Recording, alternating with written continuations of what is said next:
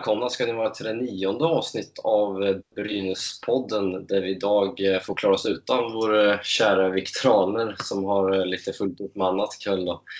Så det är du och jag ikväll, Fredrik. Hur är Ja. läget? Det är mycket, mycket bra. Vi, vi spelar in detta direkt efter den fina, fina vinsten mot Rögle.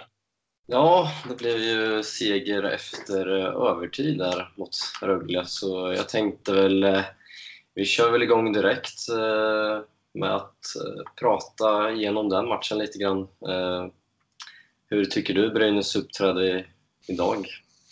Jag tycker att det är, om vi bortser från premiärmatchen mot Frölunda, så är det den absolut bästa insatsen man gjort den här säsongen. Främst också för att Rögle bjuder upp till den kampen som man gjorde och Brynäs kunde hänga med och fortfarande vara bitvis det ledande laget, eller spelförande laget i matchen. Så blev det en, eh, en, en kul match och ännu bättre att vi ändå fick eh, gå hem med vinsten också. Mm, ja, jag håller med dig där faktiskt. Eh, Spelmässigt var det ju, ja som du sa där, liksom senast man spelade så här bra var ju nog mot Frölunda där i bortapremiären. Ja, precis. Och då var det bara roligt för oss brynäsare, för Frölunda bjöd inte upp till någonting där heller. Så det här var en, riktig, det här var en kul match. Mm, verkligen, det var, det var bra match överlag. Eh, Brynäs gjorde faktiskt tre bra perioder rakt igenom tycker jag. Ja. Sen var det ju inte jättemycket mål och det blev ju 1-1 efter full tid men eh, man, eh, man mår bra på något sätt efter en sån här seger och speciellt då som det ser ut, eller såg ut spelmässigt framförallt. Då. Var det något specifikt du vill lyfta fram Brynäs ikväll där de gjorde riktigt bra? Jag tycker att jag såg... Ehm, det, det, kanske inte hela matchen ut, men definitivt första och halva andra så såg man att man, man kämpade fast pucken väldigt bra. Man, var, man såg desperat ut när man jagade ner pucken och man... Det fanns en kemi på något sätt som jag inte har sett tidigare, att man kan hitta de här lite knepiga passarna till varandra som att de ändå går fram. Det är ju den lilla millimeterskillnaden som är skillnaden på förlust och vinst i, i högsta ligan egentligen. Sen var ju Rögle, liksom serieledarna Rögle var ju på besök så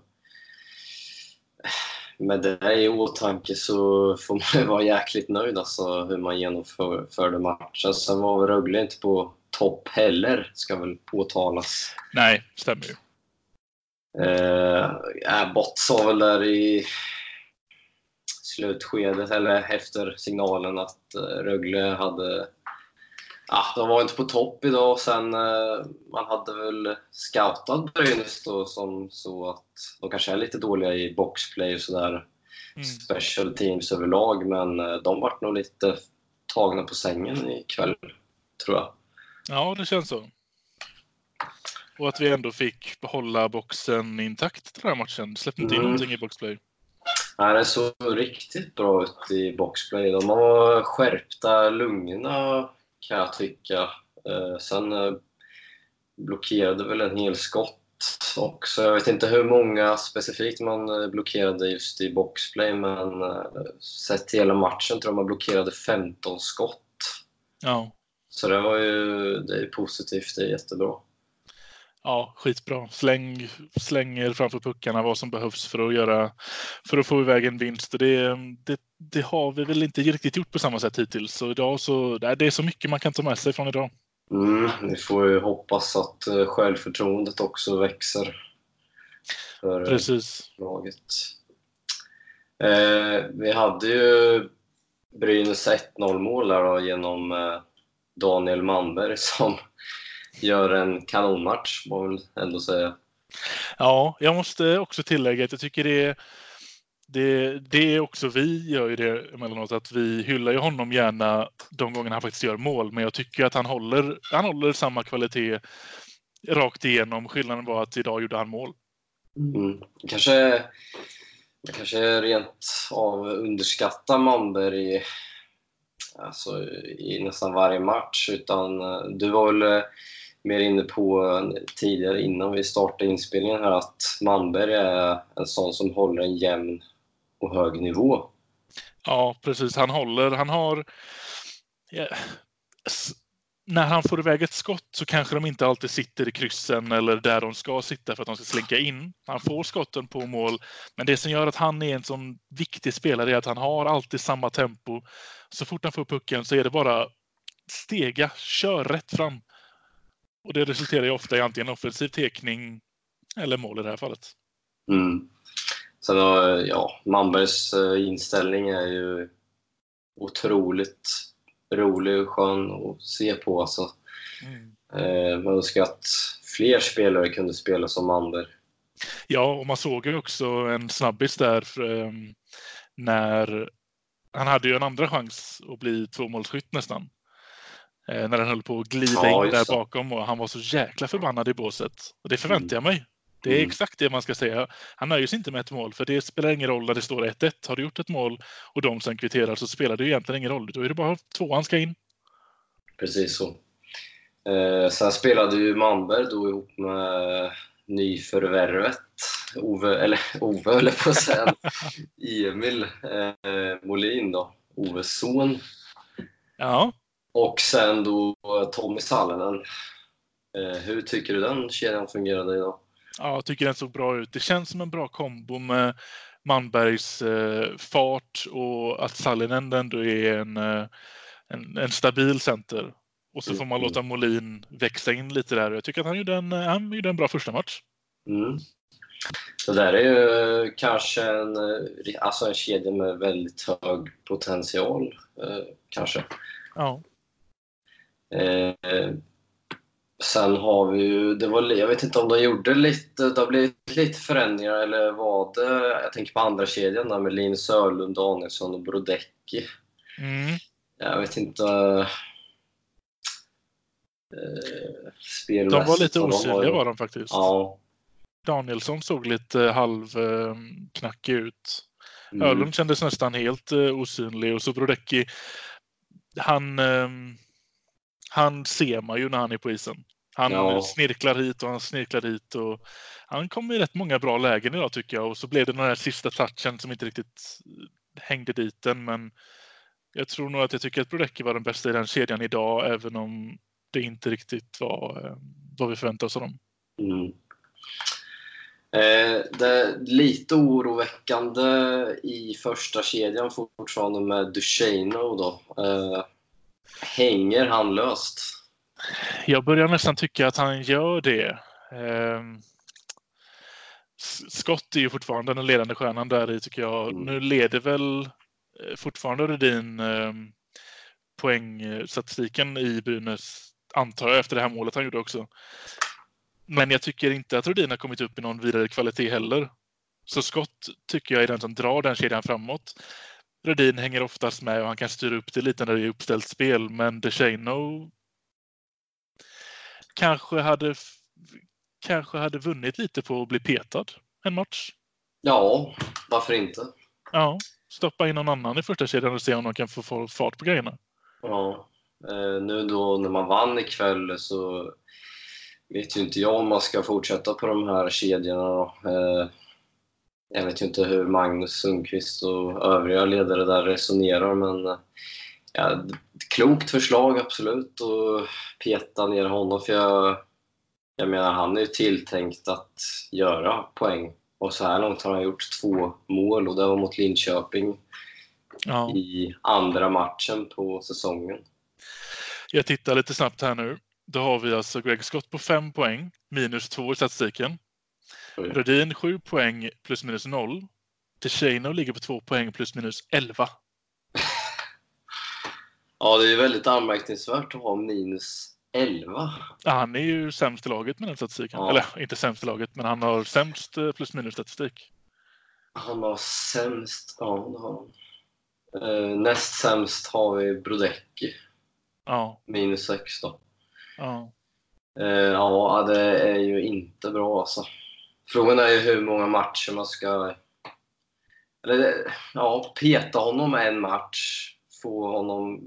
Eller som någon sorts varningsklocka kanske, jag vet inte. Ja, precis. Det är också det jag tänker. Att man behöver inte göra det något permanent utan han kanske behöver ruskas om lite och, och fatta Mm. att nu är du i Sverige här nu och det gick bra på försäsongen men nu är det blodigt allvar och du levererar inte. Precis. Eh, ja, det tåls att tänka på definitivt. Eh, någon annan som gjorde en riktigt bra match idag var ju Samuel Ersson. Alltså. Ja, Eh. absolut. Stor match. Vissa, man får ändå säga att han, det var ju två tillfällen där pucken faktiskt låg på mållinjen. Ja, han hade ju flyt då givetvis. Ja. Men han, jag tycker att han ser stabilare ut än vad han gjort tidigare. Ja, verkligen alltså. Eh, vi får väl hoppas att Ersson också liksom växer in i sin eh, målvaktsroll där och kan göra fler sådana här eh, stormatcher. För han hade ju, eller gjorde ju ett par riktigt svettiga räddningar där ibland. Alltså. Sen hade han ju Ja. som sagt tur med sig, men eh, en bra målvakt ska väl få ha tur också ibland, Ja. jag. Precis. Jag kan tycka att Rifalk i Röglemålet också hade lite tur idag. Det Ja. hade kunnat bli mer än 1-1. Ja, Reifalk är ju en av SHLs bästa målvakter just nu också. I alla fall när det kommer till räddningsprocent också. Så han gjorde ju bra match också. Eh, ja, Brynäs hade ju 1-0 efter... Ja, det var ju andra perioden ja. Sen kvitterade Rögle. Ja, jag stör mig väldigt mycket på det målet. Jag, Ja. Man ser väldigt tydligt att eh, Kihlström, den, eh, den får du ta på dig alltså. Ja, det var rent... eh, det, var, det var en riktig miss från honom där. Så, sånt här får ju inte hända. Nej, jag kan tycka att jag kikade rätt mycket på honom under matchen och nej, det var inte hans bästa dag idag tror jag. Nej.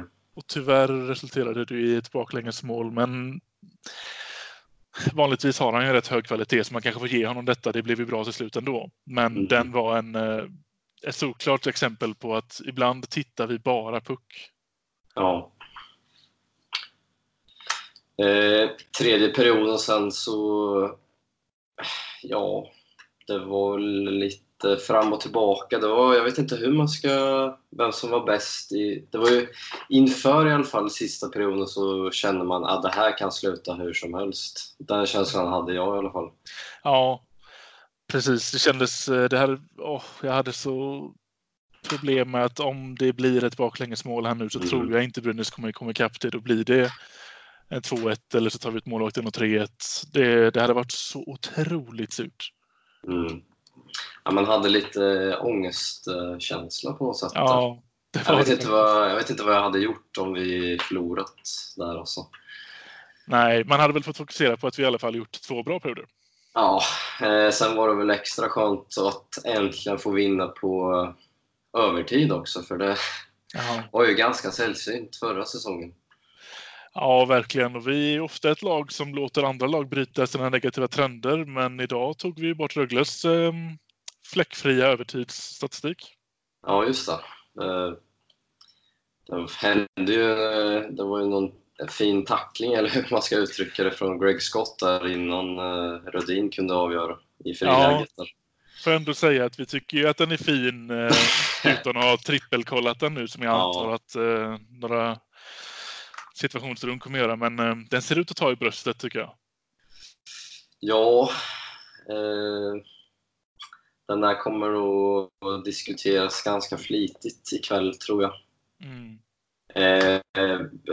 Kommer den bli anmäld? Det, ja, det vet inte tusan alltså. Jag vet inte om jag får säga så egentligen, men det är ju ett litet lotteri. Ja.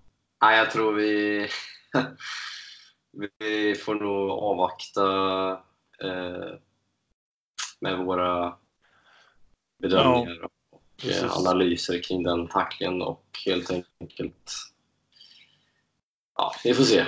Ja, jag måste tillägga dock, för när vi snackade om tacklingen som på Öland när han fick en hjärnskakning. Mm. Där var jag lite på och försökte um, och, vi- och ville säga att det ligger någonting i att Öhlund får vara med på att han åker rätt framåt, inte tittar bak, eller han tittar bara bakåt och får en tackling framifrån. Han får ju vara med på att det händer någonting. ja, Likadant tycker jag Rögle-spelaren får vara med på det idag. Han, är, han, han kommer utifrån vänsterkanten, svänger in mot mitten. Vad tror du ska hända? Precis. Du Ja. kommer få en tackling. Båda spelarna i dessa fall har ju ett eget ansvar. Precis. Sen mottagaren har ju ett stort ansvar han också.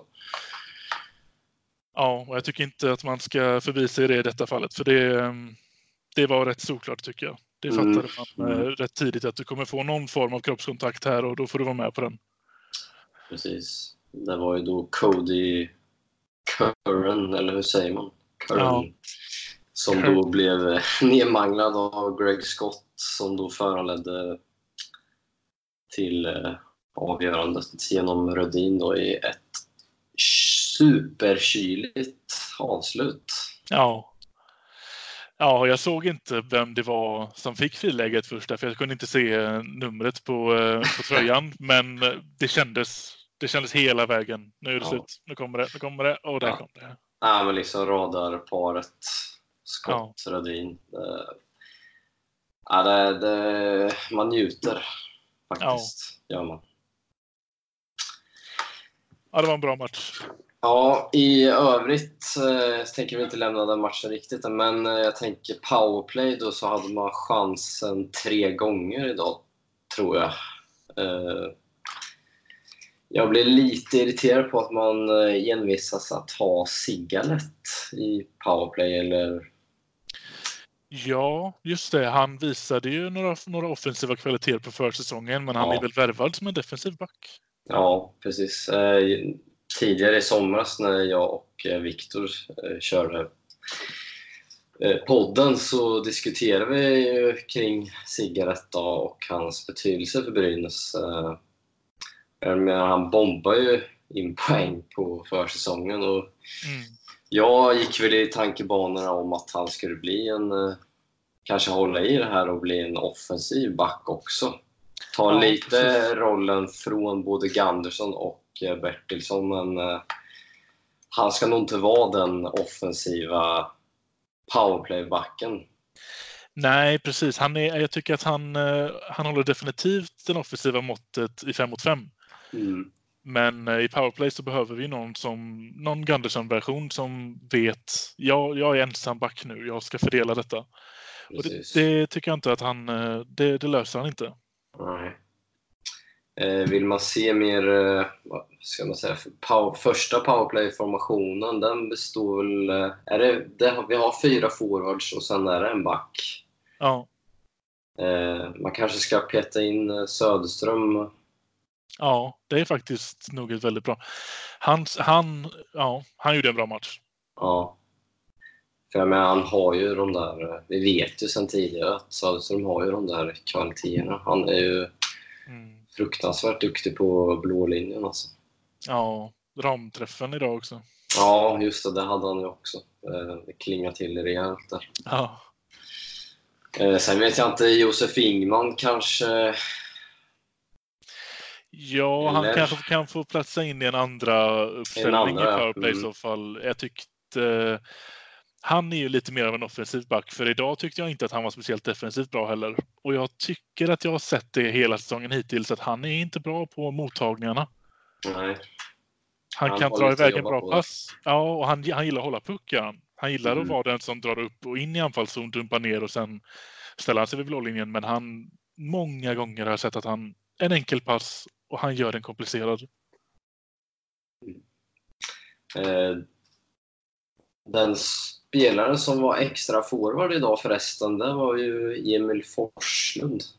Det, Ja, det var det, för jag letade lite efter ja, Jag tyckte inte jag hittade. Jag, nej, jag tror inte ens man nämnde hans namn idag. nej, nej, han var uppsatt på, som extra forward enligt Gävle Dagblad i alla fall, kunde jag se.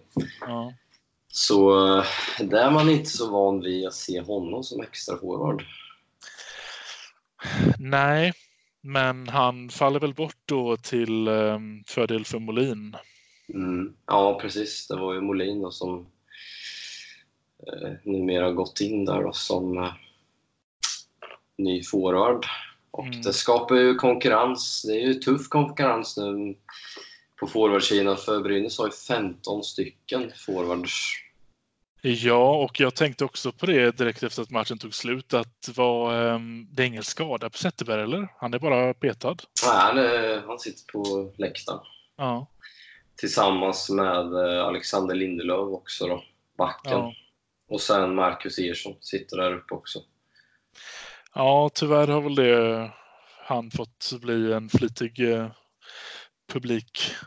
Ja, tyvärr alltså. Eh, Det är ju ett överflöd på både, bland både forwards och eh, backar. Mm. Så eh, rent krasst bör man ju... Alltså vi sitter på nio backar, det är inte hållbart. Men, alltså, Nej, samtidigt, det, jag antar att det inte är den här anledningen som vi har nio backar för, men vi är ju väldigt duktiga på att dra på oss skador. ja, Så absolut. sett så är vi väldigt välgarderade. Men Ja, om det, det- skulle vara så att vi en säsong inte skaffar några skador, då rinner det iväg både talang och pengar. Precis. Ja, jag förstår hur du tänker. Det är en trygghet att ha alltså en bred trupp både på forwardsidan och backsidan. Mm.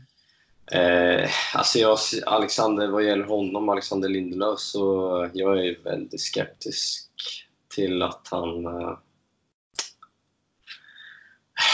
jag, jag får lite Henrik Larsson-vibbar Ja, där alltså. ja, jag börjar nog också få det. Det är tråkigt alltså. Eh, han är ju tilltänkt som en eh, offensiv eh, pjäs egentligen, antar jag. Ja. Ja, det måste han vara med tanke på hans poängproduktion förra säsongen. Mm. Gjorde väl eh, 23-24. Eller 25 poäng tror jag. Ja, i Västerås då. Eh, Lukas Zetterberg är ju... Han bombade in poäng för Västerås och spelade väldigt mycket powerplay. Eh, och liksom kommer till Brynäs då och har höga krav på sig och kanske göra samma sak som han gjorde i Västerås, nämligen att ta en eh, powerplay-position där och fortsätta ja. Men det, det är ju det där klassiska steget från Hockeyallsvenskan upp till SHL. Det, det blir för stort. ja precis. Viktor var inne på det förra året. Att han känns, eller förra året, förra avsnittet. Han var ju, ehm, han känns som en sån klassisk som det skulle ju kunna gå superbra för honom eftersom han kommer med ett väldigt starkt självförtroende. 43 Mm. poäng på 52 matcher. Ja, det är mycket poäng. Ja, och nu ligger han på en assist på nio Ja. matcher. Ja, det är inte kul alltså. Nej, det måste vara väldigt jobbigt för honom också. Ja, det är det verkligen. Alltså. Eh, Men eh, han, alltså, han har ju inställningen med att det liksom bara kriga på, köra hårt på träningar och sen är det upp till tränarna Mm. därefter. Ja, precis. Eh, ja, det var väl den matchen. Vi kan väl gå vidare. Mm. till nästa punkt. Vi kan väl ta eh, jag menar, Emil Molin, eh, tillskottet nu. Ja, Eh, hur, vad är din känsla för Emil? först var det väl egentligen ehm, att perfekt, vi får ännu en forward man kan förvänta sig lite av som kommer från Brynäs från början. Sen kikar jag lite noggrannare på hur det har gått för honom egentligen. Han har ju varit skadad i två år nästan. Mm. Han har ju spelat 20 matcher på två säsonger. Ja, spel i Malmö och dessförinnan då i Modo i Hockeyallsvenskan där han bombade in poäng. Han vann poängligan där. 50 Ja, poäng precis. tror jag det var. Eh, sen... Eh, ja, det var ju givetvis höga förväntningar på att han nu skulle blomma ut ordentligt i SHL och då, och då i Malmö. Men eh, han blev borta i princip hela säsongen. Mm. Ja, just precis. Det är jag som har kollat lite fel. Han har ju spelat tio, tio matcher för Malmö den här säsongen. Ja, just det. Det stämmer. Eh, Förra säsongen så spelade Emil 10 matcher och nu då har han gjort 10 i Malmö. Mm, precis. Och så nu är han då i Brynäs. Jag tycker att eh, bara baserat på idag så tycker jag att det ser eh, bra ut. Lovande. Mm. Han, han ser ut att ha blivit större musklerna, han har blivit liksom tyngre. Och jag tror att eh, han hade behövt bli det sen han eh, eh, sen senast när han ju var mycket yngre såklart. Mm. Så han känns som att han skulle kunna föra, tillföra lite kraft. Så det är ju kanonbra att han får spela jämsides med, med Manberg som inte har så mycket kraft utan han kör mer på speed. Och så har vi Sallinen som är en lite mer av en tänkande spelare och så har vi den kraftfulla Molin bredvid. Jag tycker att det låter bra. Ja, men det kan nog faktiskt eh, bli bra där. Jag, jag är lite så här förväntansfull där faktiskt med Emil. Det, man kände någon form av glädje ändå när jag såg Brynäs har lagt upp någon videoklipp där eh, när han kom in i gänget och hälsade på lagkamraterna och sådär. Ja, just det. Det såg jag. Eh, rätt glädjande att se sånt. Ja. sätt. Sen är det väl, eh, ja, Emil, hans pappa är ju tränare. Ove är ju tränare i laget också. Så, men jag tror inte han tänker så mycket på det där heller. Nej, det tror inte jag heller. Han, eh, han kändes eh, i intervjuerna han gjort hittills och även i den videon och allt och så, så kändes han väldigt professionell i den, eh, i den relationen. Mm. Ja, han har ju växt som sagt ordentligt. Sen, man har ju kommit ihåg SM-guldet där 2012 för då fanns ju faktiskt Emil med i Ja, truppen. Han fick väl inte spela så mycket, kanske. nej, Jag kommer inte ihåg hur mycket han spelade. Var... nej, jag vet. Eh, ska vi se. Han spelade en match under slutspelet. Okej. ja. Sen, blev det det blev väl en del matcher under säsongen, men eh, det var väl sparsamt med speltid där, kan jag tänka mig. Han var ju extra forward en hel del. Ja, 34 matcher, 5 poäng. Nu såg jag fel till mig. Han spelade faktiskt 10 matcher i slutspelet. eh, Det var slutspelet efter han spelade en match. Eh, Så 10 matcher är ändå... Han har ju Mm. fått en, eh, en bra chans där. Och få Mm. lite slutspelsfeeling i alla fall. Ja, det... Nej, men eh, kul att... Eller ja, det var ju ett drag nu från Sundlöv att eh, vi värvar en forward och det kom ju egentligen som en blixt från klar himmel. Det var inget som liksom... Nej, det var väldigt oväntat var det. Och sen vet jag ju Malmö, det stod ju där, jag vet inte om det var Expressen, Mr Madhawk som skrev att Malmö då var intresserad av att eh, dra åt sig Brodecki. Ja, göra en bytesaffär där då. Men det hade ju sett, eller det hade känts konstigt. Vi har ju precis fått Brodecki menar jag. ja, precis. Och jag tror att vi hade gått... eh, Vi hade varit stått som förlorare i den affären i så fall. Ja, absolut. Eh, Jag är lite förvånad ändå att Malmö släpper Emil sådär. Alltså det har gått tio matcher bara. Ja, Han kanske kanske- inte har levererat riktigt ändå, så, som Mm. den har tänkt sig. Nej, jag kan tänka mig att ehm, de kanske sitter lite i samma sits som oss då med lite för många forwards. Mm. Ehm, svårt att dubbelkolla nu dock, men ehm, det, det kan ju vara en av anledningarna.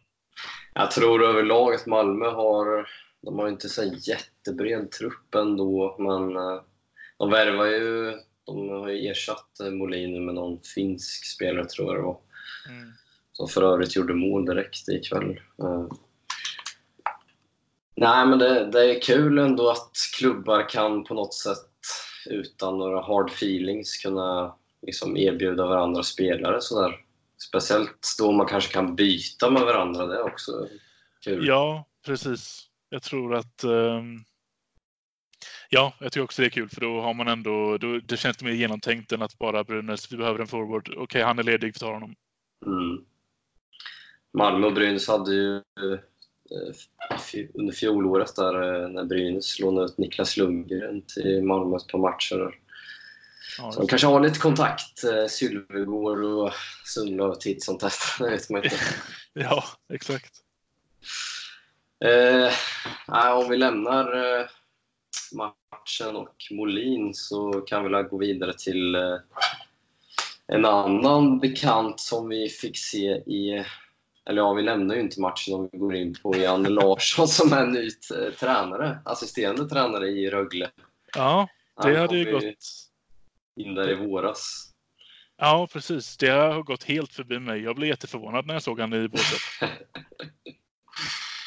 Ja, jag läste en hel del, eller en hel del, det har gått ganska obemärkt förbi att Janne Larsson är assisterande tränare numera i Rögle Ja.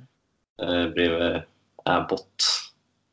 Så det var ju lite, kändes lite konstigt att se honom i eh, Rögle-båset då i ja, Monitor EP Arena som det numera heter. exakt. Ja, det kändes lite konstigt. Eh, Det kändes fel. Ja. eh, Janne var ju, han var väl egentligen videocoach tror jag i Brynäs Ja, det var han. ifrån början. Ja, och sen kickade vi ju... Ja, jag kommer inte ihåg vilken av dem vi följde den, men då fick han ju gå in i båset i alla fall. Ja, han gick in eh, med Skö... Ja, det var Melin som kickades, eller hur fan var det? Ja, Ah. jag tror det.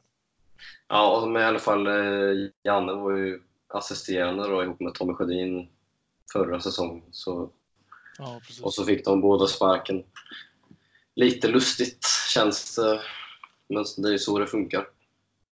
Ja, jag antar det. Ehm, inte helt säker på varför man drar med Larsson i den kicken också, men antagligen såg de väl något samband, eh, samband mellan de två, där, att de hade någon inställning som vi inte ville ha kvar. Mm. Alltså jag hade ändå kunnat tänka mig att ha kvar eh, Janne som videocoach Ja, faktiskt. Eh, men ja. Eh, ska vi gå vidare till... Eh, det har ju inte hänt så jättemycket sen senast eh, vi körde Brynäspodden. Men eh, det var något mer och det är ju också en, en gammal bekant. en gammal bekant, ja. Eh, Stefan Bengtzén, Brynäs eh, förre sportchef, är ju klar för ett nytt uppdrag då i SHL. Eh, ja. han fick väl ett nytt jobb i Hockeyallsvenskan var det väl som någon eh, direktör, var det inte? Ja, precis. Rätt så högt uppsatt tror jag. Ja, det var ju ganska oväntat kände man då. Ja. Men så slog eh, bomben ner att han eh, blir eh, ny direkt sportdirektör precis som Andreas Takell är i Brynäs kan man väl säga. va? ja, ny sportdirektör i Örebro. Av alla lag. ja, precis. Av alla lag. Det är ju lite känsligt där med tanke på Karlskoga andan som eh, Bengtzén står för och eh, det finns ju en viss hatkärlek där mellan Örebro och eh, Karlskoga. Så det var väl lite förbjuden frukt eller vad man ska säga. Ja, exakt. Jag um, undrar lite ehm, vad det är de ser i honom att de vill plocka in. Vad, vad är det de förväntar sig av honom? Ja, bra fråga. Ja, visst, han eh, värvade ihop ett bra lag till Brynäs när man hade Be- Bulan Berglund och det där finalåret 2017. Mm. Eh, men annars så jag kan faktiskt inte förstå Örebro som tar in honom för det är en väldigt speciell eh, människa man tar in. Frågan är om man eh, vet vem det är man har tagit in. Nej, det är också lite det jag funderar på. Jag, jag, jag undrar om de... ehm, om, om hur snabbt eh, framförhandlat det här var. Ja, Ja, jag har inte en aning faktiskt. Eh, Nu är det ju en ny roll han träder i kraft då, eh, som sportdirektör så han har ju mer, ja det är betydligt mer övergripande ansvar. Mer än bara spelartrupp utan han, eh, jag menar kolla på Dakell, han har ju ett jätteansvar i Brynäs då. Ja, Så jag vet faktiskt inte vad som är tanken riktigt där. nej, det ska faktiskt bli lite kul att, ehm, försöka läsa sig in lite på om han eh, gör några förändringar eller Mm. vad han kommer in med för, för eh, friska vindar. Jag har ju lite svårt för Örebro nu sen eh, Palushaj alltså. Ja, det är många som har... Ja, det är svårt att släppa den där, den där förbjudna övergången alltså, på något sätt. Ja, Eh, icke att förglömma. nej exakt. Och, och så Bengtzén på det nu också. Så det ska bli kul att kika lite på Örebro längs med vägen här. Ja, det blir... Man ligger ändå trea. Ja, Örebro har ju överraskat ordentligt eh, under säsongsinledningen här. Faktiskt. Ja. Ja, något mer som du tänker att vi borde ta upp angående Brynäs? Jag, kan, eh, jag minns från förra avsnittet att vi snackade lite om eh, att vi ändå tog en vinst förra veckan och att vi nu kommer se eh, i matchen mot, mot Växjö, som ändå var ett bottenmöte, hur vi tror att det kommer se ut i Brynäs en stund framöver. Mm. Eh, nu blev det ju torsk mot Växjö och det var ju kanske en av de tråkigaste matcherna också. Ja, det var inte roligt. Men så som vi ställde upp då, som vi ändå antog att det är kanske så det kommer se ut nu, så ser det ju inte ut. För nu studsade vi ändå tillbaka direkt idag och det här ser ju kan kanon ut. Och ännu bättre att jag tycker det är perfekt timing att det ändå är Leksand på lördag. Ja, det, ja, det kommer ju väldigt lägligt. Alltså, Leksand har ju åtta raka förluster nu. Alltså, nu möter man då Brynäs i ett kokande Monitor ERP Arena. Ja, och då får vi ändå Eh. tillägga att vi hoppas att det blir kokande. Ja. Slutsålt förväntar vi oss.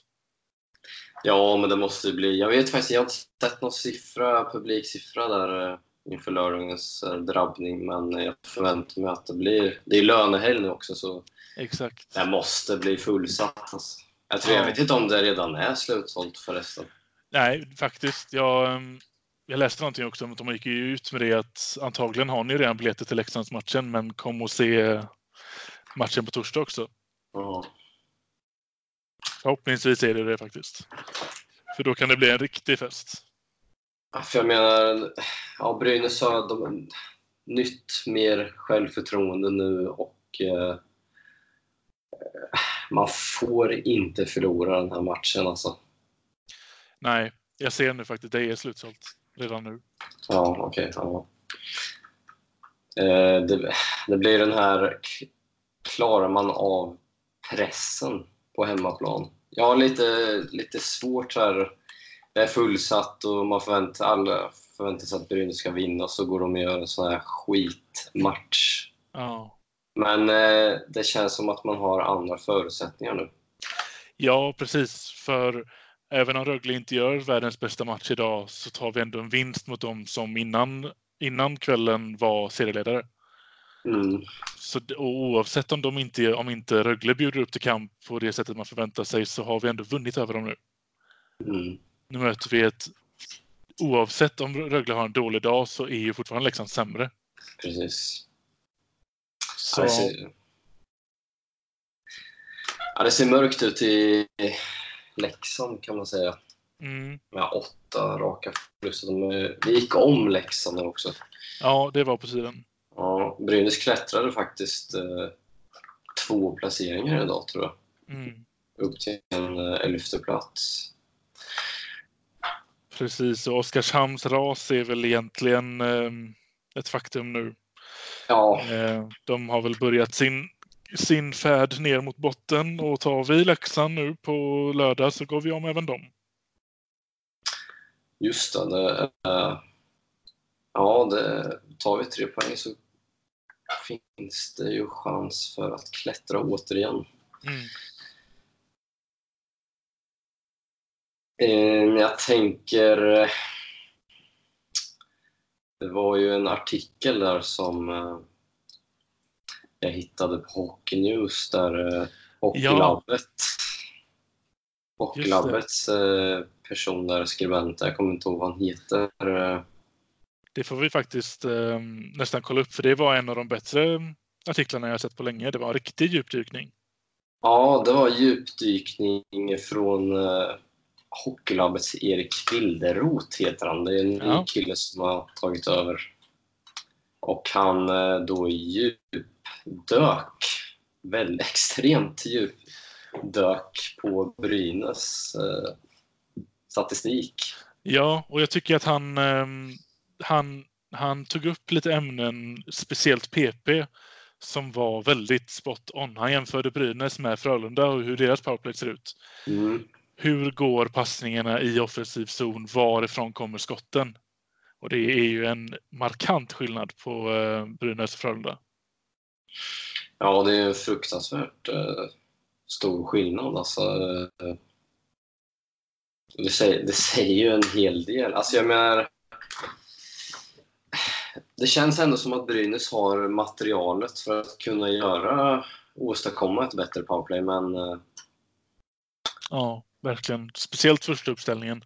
För i 5 mot 5 så tycker jag fortfarande att de ser ju bra ut. Och så Mm. blir det powerplay och då, då sänker de tempot. mm. Det är ett mysterium för mig. Eh, han skrev, tog väl upp det bland annat att det är lite brist, bristvara på detaljer, bland annat kanske passningar bakom mål. Ja, Alltså det är mycket sådana här, såna här detaljer som eh, spelar oerhört stora roller. Och sen blir jag lite fundersam över hur mycket Brynäs jobbar med sån här djupgående detaljerad statistik. Hur mycket sitter eh, Sundqvist, Molin och Holmqvist med siffror, Corsi och allt vad det heter, Fenwick. ja. Det är väldigt mycket begrepp där. Ja, precis. Och jag kan även tycka att utifrån hur det ser ut, hur mycket sitter de ens och planerar powerplay? Ja, exakt. Sen såg jag ju att eh, både Greg Scott och Anton Rödin toppar SHL gällande Corsin. Corsin. Ja, det, du får jättegärna dra en snabb sammanfattning om vad det ens är för något. För det vet inte. Corsi kan man väl, ja, mer detaljerat med individuella spelare vet jag faktiskt inte eh, rent spontant så här, men när det gäller lagstatistik så är det ju skott på mål kontra skott emot sig. Okej. Nu säger väl inte den här lagstatistiken så jäkla mycket för Brynäs just nu, tror jag. Nej, det är ju fortfarande tidigt på säsongen också. Mm, men... Eh, ja, Corsin då gällande just Greg Scott och Anton Rödin att de, de har väldigt hög procent på den statistiken och det bör ändå på något sätt innebära att man borde ta tillvara på det och framförallt utnyttja det i powerplay. Så Precis. man måste, alltså det är något som man måste jobba på. Jag vet inte om det är avsluten på mål, eh, alltså, eller passningsspelet, eh, som, vi, som jag sa tidigare, detaljer och så vidare. Ja, precis. Ehm, han, han, det är ju så otroligt mycket fin statistik han lägger upp här. Till exempel står det ju i offensivt att vi är tredje bäst i SHL på att lägga in passningar i slottet. Mm, Vi är dock sämst i ligan på att dra direktskott från slottet. Precis. Redan där har vi ju en rätt så alarmerande... Vi kan ju inte vara bland de bästa att få in puckarna och sen gör vi ingenting med dem. Mm. Jag tänker vi kan... eh, Man skulle behöva grotta ner sig mer i sån här statistik för jag tror att eh, det är ganska intressant faktiskt. Eh, Ja, speciellt i ett sånt läge Brynäs är i nu. Ja, Då Eh. finns det nog rätt mycket man kan peka på. det känns som att fler... ah, De här begreppen är... Jag vet inte hur länge de har funnits egentligen men eh, relativt nya begrepp inom eh, ishockeyn och eh, Eh, jag vet faktiskt inte hur mycket SHL-klubbarna jobbar med det här men Leksand tog ju bland annat in den tidigare experten i Hockeylabbet. Jag har tyvärr inte namnet på honom, jag kommer inte ihåg vad han heter, men eh, de tog in honom så att han kunde få jobba med just eh, sån här statistik och siffror. Sen kan man väl kolla på Leksand, var de ligger idag. Så. ja, men jag minns att jag läste en artikel om det också för Frölunda, fast för typ fyra fem år sedan. Ja. Att det var relativt nytt ändå för dem att de hade en heltidsanställd som bara, bara pysslade med siffror. Mm. Och som sagt, om man tittar på dem då så går det ju rätt bra. Ja, just det. Eh, är det något mer eh, du skulle vilja ta upp? Eh? Ehm, nej, inte direkt, utan jag är bara superglad över vinsten och jag hoppas verkligen att laget känner självförtroendet inför Leksand för där, där som du sa innan med pressen på hemmaplan, det kan ju vara någonting som borde jobba mot dem och det får de vara redo på på lördag. Mm. Det är ett sämre lag vi möter, vi har lite självförtroende med oss, så övertänk inte saken utan gå ut och lira precis som vi gjorde idag. Ja, precis. Ja, jag är enig med dig där. Jag tror inte, man ska nog bara liksom slappna av lite. Nu har vi lite medstuds, medvind. Vi vet att vi kan Mm. vinna matcher. Vi är ett lag och så vidare. Eh, Jag, jag tror... Jag har en bra känsla ändå inför lördag. Det Ja, faktiskt. det har jag också. Det känns eh, som du säger lite medstuds nu och då får vi, vi ta vara på det. Mm. Sen väntar ju även Malmö då återigen på hemmaplan på tisdag. Så det är tre raka hemmamatcher här nu. Rögle ikväll som vi vann och sen Leksand på lördag och Malmö på tisdag som sagt. Mm. Så Ja. Och det känns ju ännu bättre när man ser det så. Utan vi fick ju möta det kanske egentligen svåraste motståndet direkt och vi har ändå tagit två poäng mot dem. mm, Släpp loss mot Leksand. Då kanske vi till och med har två raka vinster när vi går in mot Malmö som vi aldrig vet vart man har dem. För ibland skiner de till och är, ser kanonbra ut. mm, Och det måste vi vara redo på. mm. Ja, med det sätter vi väl punkt Ja, för det här avsnittet. Så får vi väl se om Viktor är med nästa avsnitt. Se om vi är intakta. ja precis. Så nej, tills vidare får ni ha det så bra så hoppas vi att vi vinner på lördag. Exakt. Dubbel, dubbelt firande. Ja, på återseende. Hej, hej då.